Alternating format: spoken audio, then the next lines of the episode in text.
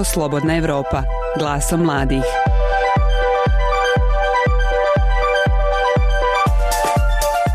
Zbog mjera uvedenih kako bi se spriječilo širenje koronavirusa, gotovo polovina svjetske populacije nalazi se u svojim kućama. Ono što smo do prije mjesec dana radili svakodnevno i bez razmišljanja, poput odlaska na posao, druženja sa prijateljima, putovanja ili bilo čega drugog što je zahtijevalo naše fizičko prisustvo u, pa nazovimo ga vanjskom svijetu, sada je otežano i zahtjeva malo mašte. Naš svijet je drugačiji, stvarnost je nova i pored nošenja maski, fizičke distance, provođenja vašeg vremena u stanu i neizvjesnosti koliko bi pandemija mogla da potraje, svi se prilagođavamo tome da naš svakodnevni život učinimo što uobičajniji. Na sreću, za razliku od posljednje pandemije iz 1918. mi imamo internet. Ja sam Una Čilić, a vi slušate podcast Radija Slobodna Evropa klasom mladi.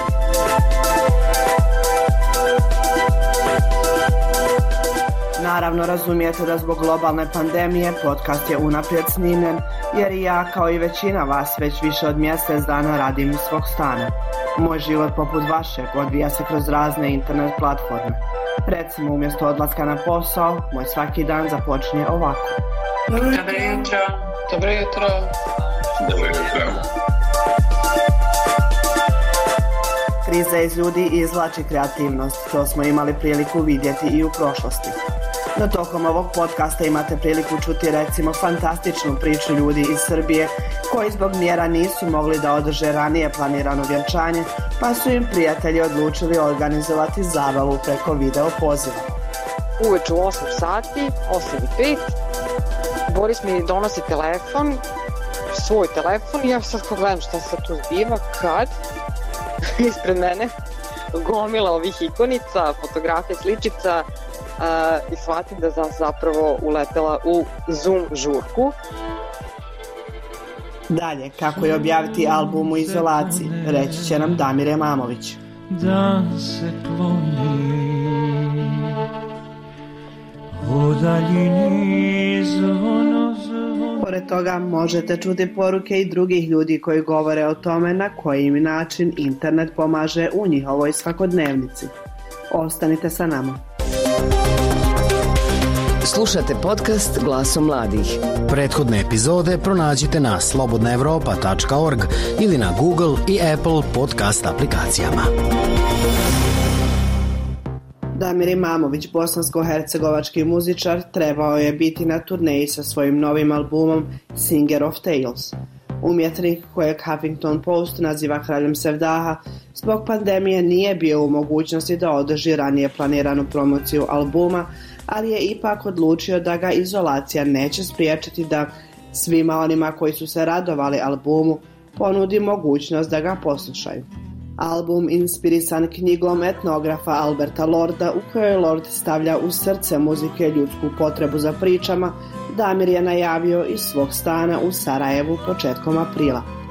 Kako je objaviti album u izolaciji i kakva je reakcija javnosti na Singer of Tales, poslušajte od Damira. U Stambolu na Bosporu Stari paša leži Duša mu je na Objaviti album u izolaciji je stvarno nevjerovatno. Moram priznat, nisam ovaj, kao što naravno niko nije očekivao, niti se moglo predvidjeti ovako nešto užasno. Morali smo kad je sve krenulo da donesemo odluku da li da objavimo album uopšte ili ne. Moram priznat da mi je drago da smo odlučili pak da ga objavimo, iako je e, najveći dio turneje sve tamo negdje do, do juna o, otkazan, zapravo pre, sad prebacujemo datume na jesen i na, na narednu godinu. Ipak smo odlučili da album izađe, jer već je i najavljen, iako smo ga puno naja- najavljivali. A s druge strane, budući danas veliki dio promocije da se radi online i da intervjue i ne znam, različite stvari, čak i prati distribuciju putem digitalnih kanala možemo raditi od kuće. Odlučili smo da ipak to na neki način može da funkcioniše, a koncertnu promociju ćemo raditi kasnije. Bilo mi jako žao zbog toga, pošto predivne koncerte smo imali ovo, ovo proljeće i od, ne znam, londonskog barbikana preko nekih super festivala u Europi. Baš trebalo da bude neki oko 20 koncerata. Reakcije ljudi su super i mislim da je to možda nekako i najvažniji razlog za, zašto smo odlučili da ga, da ga ipak objavimo, pošto dosta ljudi sjedi kući i već sad malo poš, prošla je ta neka prvobitna panika od prvih desetak, 15 dana i malo ljudi traže i novu muziku i nove filmove i neke druge načine da, da, da, da se zabave i opuste. I baš me je dirnulo jer sam ovaj, nakon izlaska albuma dobio sam vel, neobičajno veliki broj mailova, inače me dosta ljudi pišu i na socijalnim medijima i na moj mail poslovni sa websajta, međutim ovaj put je stvarno to baš, baš bilo došlo u tolikim količinama da nisam mogao da vjerujem koliko podrške i koliko ovaj, koliko streaminga na internetu, tako da je na neki čudan način ispalo da je album zasigurno sigurno brže došao do, do nekih ljudi nego što bi inače došao, baš zbog toga što, što nisu zauzeti svakodnevnim životom i jel, zatvoreni su u kući, tako da ovo je neka vrsta prednosti u ovoj nesreći. Puna A oni koji poput mene prate Damira i na društvenim mrežama imali su priliku vidjeti jedan mali pa recimo projekat kojeg je Damir pokrenuo tokom izolacije. Release Your Inner Narodnjak, kako ih je Damir nazvao, su videa sa njegovom interpretacijom raznih popularnih pjesama, koje su ljudi koji sjede u svojim kućama toliko dobro prihvatili da su i sami krenuli da se snimaju kao reakcija na njegove objave.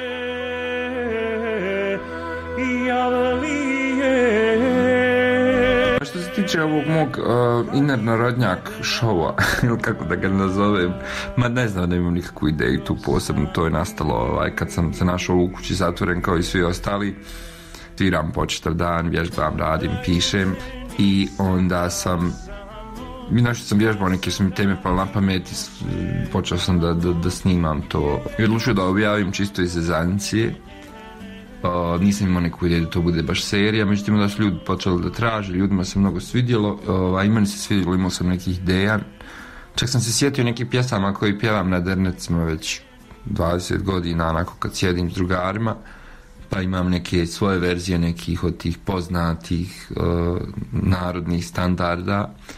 Ima tu stvarno predivnih pjesama, uvijek mi se bila užvancija igrati s njima onako kad malo sjedimo pa se opustimo. Čini se s ljudima svidjelo, a i meni je bio neki ispusni ventil ovih dana, tako da pitaju me sad šta ću s tim objaviti album tih verzija, nemam pojba, mislim, nije, moram priznati, sad sam previše u ovom albumu i promociji, sad sam malo s tim stao, tako da ću vidjeti šta će biti s toga. Ne znam, zavisi koliko ovo potrebe, možda pustim maštinu volju i duže nego što sam mislio. Slušate podcast Glaso mladih. Prethodne epizode pronađite na slobodnaevropa.org ili na Google i Apple podcast aplikacijama.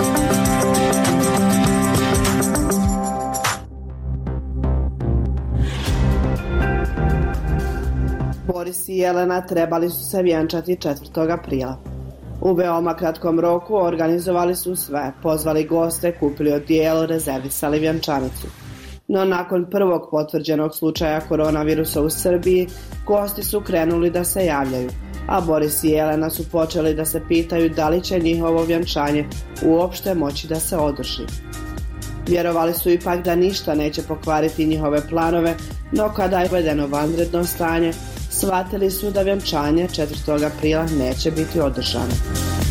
No ono što nisu znali tada jeste da će njih dvoje na taj datum spontano odlučiti da se vjenčaju u svom stanu sa budmama od aluminijske folije, te da će im u isto vrijeme njihovi prijatelji pripremiti zabavu iznenađenja preko Zoom video aplikacije.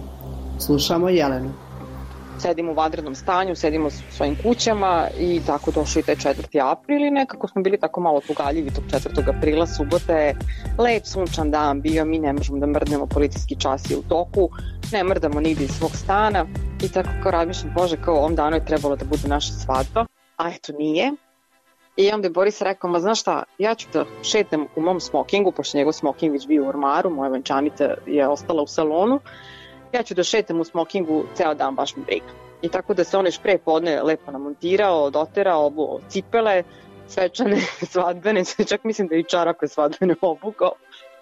I tako se šetkao ceo dan i negde u 15 do 4 posle podne ja kažem, znaš šta, sad u 4 je trebalo bude venčanje. mi da se venčamo sami sebe tako. Šta nas briga? Ja na brzaka nađem, imam neku haljinu od, od ranije koja je tako lepa i svečana. I obučem tu haljinu, obojem cipele, svečane i nas dvoje tako u četiri sata pustimo sa gramofona Abu, to smo imali, to nam je bilo pri ruci. I eto u četiri sata izgovorimo jednom drugom da, uz neke svoje zaveti, nešto što bez, nek, bez mnogo nekog promišljanja i bez nekih, uh, ne znam, sad nismo ništa posebno ni ni glumatali tu, nego smo eto tako stali i rekli jednom drugom šta smo u tom momentu mislili i želeli. I slikali se, zafrkavali se, smejali se kao super, evo napravili smo super zafrkanciju, kućnu zafrkanciju, nas dvoje smo jedno drugo venčali, napravili smo od uh, alu folije uh, burme i jednom drugom smo kao predali burme, sve smo se pravili kod je bilo pravo venčanje i super. Na brzaka smo napravili i svadbenu tortu, napekli 20 palačinaka, poređali, namazali pekmezom, umutili šlag, napili tortu, pobockali, imamo na privestima uh, Borisove, omiljenih junaka, Han Sola i princezu Leju, i to su nam bile i one svadbene figurice, tako da smo mi napravili sebi super kućnu zaprkanciju. I mislili smo to je to, tu je kraj naše kućne zaprkancije. Međutim, uveče u 8 sati, 8 i 5, Boris mi donosi telefon, svoj telefon i ja sad gledam šta se tu zbiva, kad ispred mene gomila ovih ikonica, fotografije, sličica i shvatim da sam zapravo uletela u Zoom žurku i da su uh, moji najbliži, najdraži drugari kojih na moju veliku sreću ima sa sve ovom sitnom decom koju sad već imamo, o, oko 25 I, dakle, mimo toga, mimo znanja da ćemo nas dvoje sami sebe da venčamo, oni su se zapravo još prethodnog dana dogovorili da će nam napraviti iznenađenje i tako da su se u 8 i 5 okupili uh, svi na Zoomu i napravili, smo, napravili su nam zapravo svadbenu žurku iznenađenja. I onda se ispostavio da su mi zapravo ne do 4 posle podne do nekih 10, pola 11 naveče sve vreme bili u toj nekakvoj nekakvom tom svadbenom žurka raspoloženju, potpuno neočekivano iznenađujuće, puštali muziku, naručivali jednim drugima pesem, pa puštali na YouTube-u. Naravno, bilo je tu malo i tehničkih i tehničkih smetnji, malo je pada, padala veza, pa se ponovo zovemo, pa tako to mislim trajalo već kako ti ide sa svim tim videokonferencijama, ali na kraju ja sam bila potpuno van sebe, jer mislim, ispolo je zapravo daleko, daleko lepše i bolje nego što sam im mogla da zamislim. A evo šta kaže kuma Jovana. Kako su došli na ideju i kako je tekla virtualna svadba. Ideja je bila da naravno da pokušamo da što vernije u stvari dočaramo tu neku atmosferu slavlja i, i radosti i da se u tom smislu nekako i pripremimo. Sad nismo svi stigli da kupimo uh, svečane haljine za, za svadbu, tako da smo obukli nešto što smo imali uh, već u ormanima.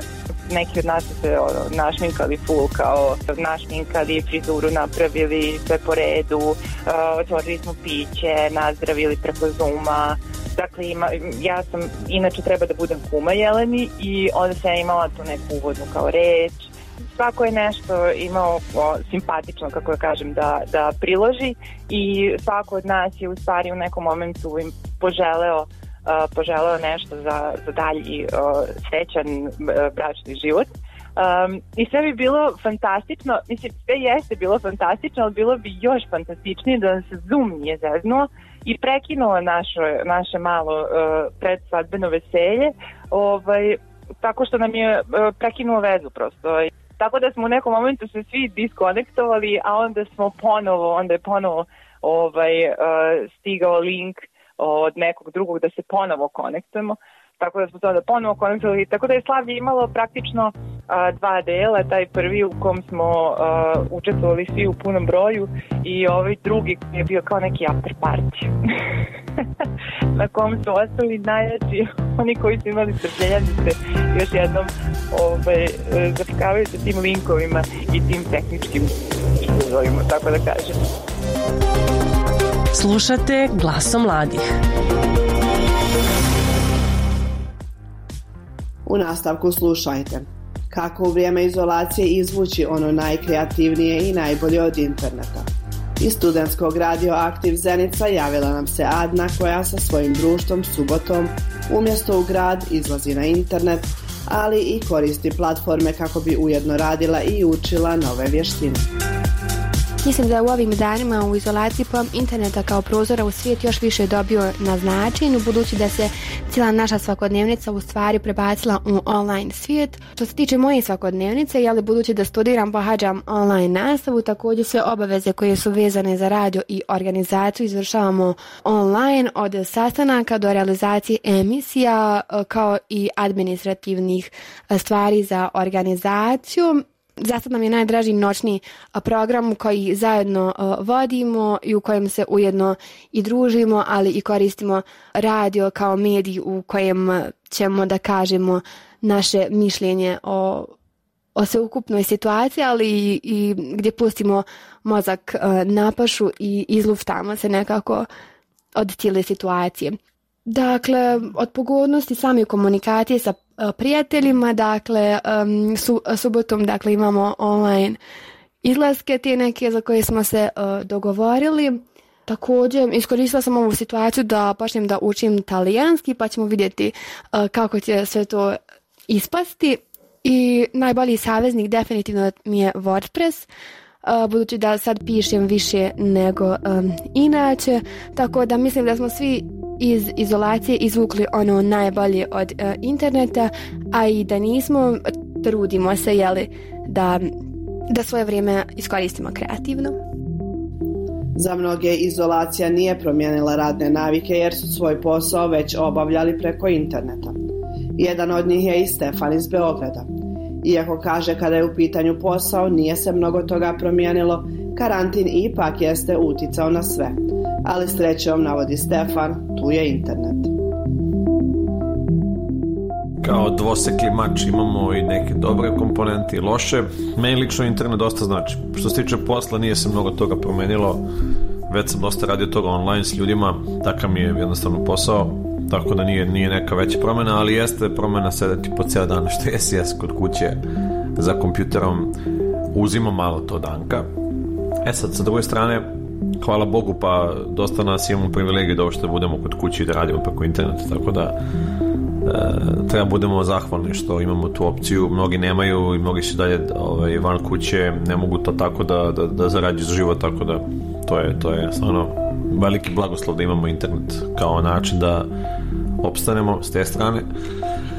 E sad, s druge strane, internet može dosta toga i danas onako malo uznemiri, pogotovo ako dosta čitamo o, o cijeloj ovoj situaciji, o vestima, ja sam na početku dosta gledao, čitao analize i slično i samo sam sebi stvorio anksioznost i onda sam rešio da zatvorim taj prozor u svet do daljnjeg tako da može internet definitivno utiče i negativno na, na psihu ljudi, pogotovo u izolaciji. To je podcenjeno velika opasnosti. Tako da treba biti vrlo, vrlo vrlo oprezan čime, čime punimo glavu, pošto smo okrenuti dosta sebi u ovim vremenima, možda je pametnije da se okrenemo nekim drugim izvorima informacija, nekim knjigama ili zabavnom sadržaju. Što se tiče zabavnog sadržaja, definitivno internet je tu sjajan, svako je sad na Netflixu ili Primeu, neki od nas malo dosadnih tipova smo na YouTubeu isto ovaj, mogu da se gledaju neki stari filmovi uvek su ti neki uvek ima nekih dobrih emisija nekih onako zabavnih sadržaja i lakih i malo ozbiljnijih. U svakom slučaju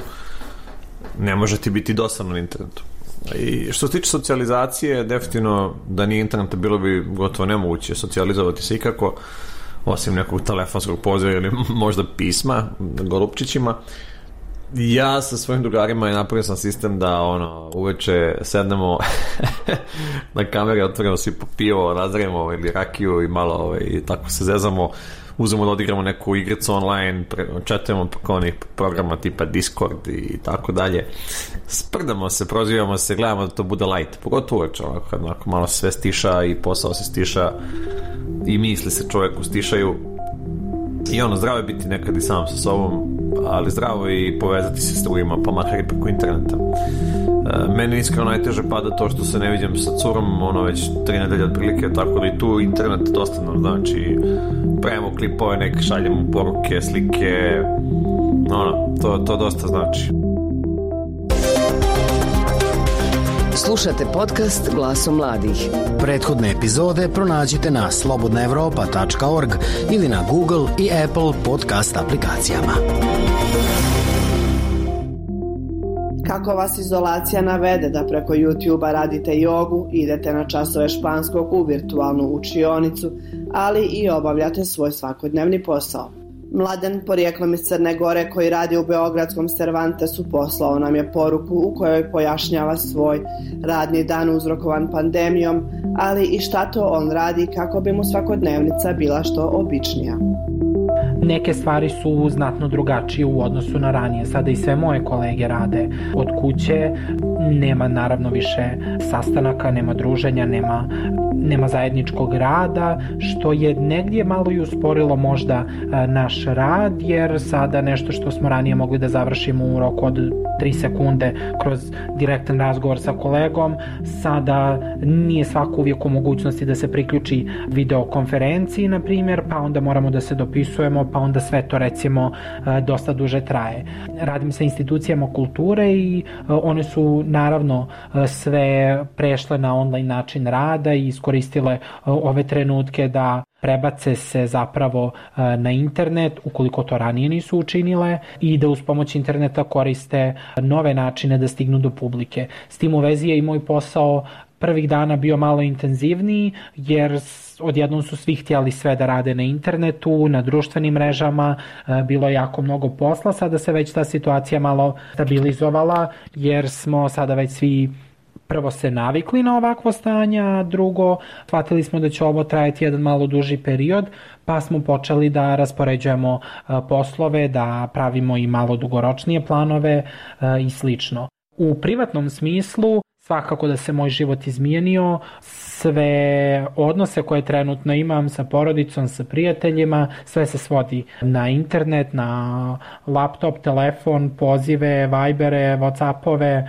brojne silne grupe za razmjenu informacija e, i za naravno druženja sa prijateljima se nisam vidio od ja mislim od tog 16. marta Viđamo se zapravo e, na e, različitim video pozivima e, gdje onako jedni drugima pružamo podršku i do, mislim da je dobro u ovom trenutku imati te male grupe za podršku.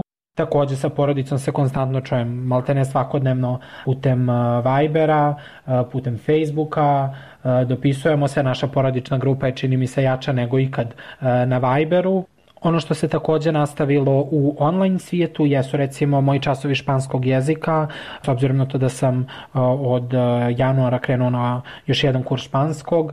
Ova situacija nas je zadesila, profesori su se vrlo brzo prebacili na kurs uz pomoć različitih platformi za video časove i sve je to funkcionisalo jako dobro i čini mi se da i svim mojim kolegama bilo jako zanimljivo jer smo po prvi put koristili neke online alatke za učenje jezika koje do tada nismo koristili. Profesori su bili jako zainteresovani da nam drže pažnju tokom dva i po sata, dva puta nedeljno i meni je to bilo važno da bih imao neku vrstu normalnog stanja u svojoj glavi, neku vrstu rutine.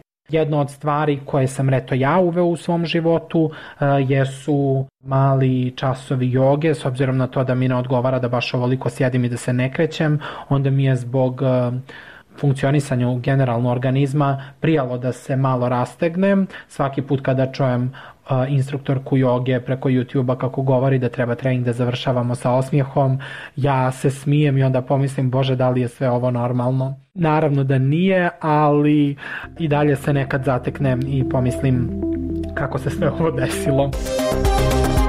Slušate glasom mladih.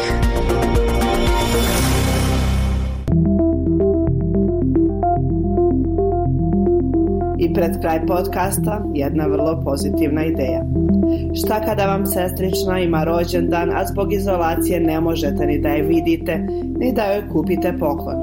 Ines iz Bosne i Hercegovine imala je ideju da joj snimi video, no uskoro je shvatila da bi videa koja radi na TikTok mreži mogla da iskoristi da nasmije i druge, te da malo olakša svakodnevnicu sebi, ali i svojim prijateljima. Prvi TikTok video koji sam snimala bila je rođendanska čestitka za moju sestričnu. Obzirom na situaciju u kojoj smo se svi našli ovih dana, nisam bila u mogućnosti da joj za rođendan poklonim nešto materijalno, i tako razmišljajući o nekim drugim načinima kojima bih mogla da je obradujem, odlučila sam da to bude neka video poruka pjesma. Tako sam za zvuk posudila neki dječji hor sa rođendanskom čestitkom i ja sam onako kao budala sama otpjevala tu čestitku. Ona je bila oduševljena. Pregledavajući TikTok akaunte vidjela sam mnogo zanimljivih videa koji su me nasmijali do suza, tako da sam odlučila da i ja pokušam nasmijati svoje prijatelje. Kako sam i sama svakodnevno bila izložena raznim i konstantnim negativnim informacijama vezanim za pandemiju koronavirusom, što je zajedno sa restrikcijama i porukama da ostanemo u kući u meni izazvalo osjećaj nemoćnosti, nekakve tjeskobe i neizvjesnosti, odlučila sam da okrenem loptu, odlučila sam da te negativne vijesti rezervišem za jednom puta dnevno, a da za sebe i svoje prijatelje napravim neki pozitivan sadržaj. Počela sam snimati smiješne klipove koje sam dijelila sa prijateljima i pratiocima na društvenim mrežama. Nakon objava javljali su mi se ljudi sa kojima do ove situacije nisam imala skoro nikakvog kontakta osim što smo bili kao virtualni prijatelji. Mnogo od njih me podržalo komentarima i privatnim porukama, a time i moj cilj ostvaren. Uspjela sam da ne samo sebe nego i druge barem na kratko odvučem od ovih teških dana koje mi svi zajedno prolazimo.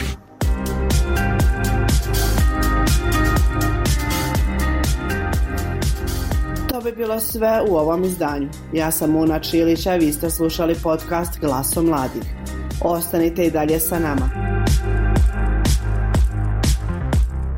Ukoliko ste propustili prethodne epizode, možete ih pronaći na našem sajtu slobodnaevropa.org ili na Google i Apple podcast aplikacijama. Naše druge sadržaje također možete pronaći na našem sajtu, na društvenim mrežama Facebooku, Twitteru, Instagramu i YouTubeu, gdje svakodnevno objavljujemo i posljednje informacije o pandemiji koronavirusa. Ostanite kod kuće, ostanite na sigurnom i ukoliko želite pošaljite nam i vi na društvene mreže vaše priče iz izolacije. Sa vama smo i naredne sedmice. Doviđenja.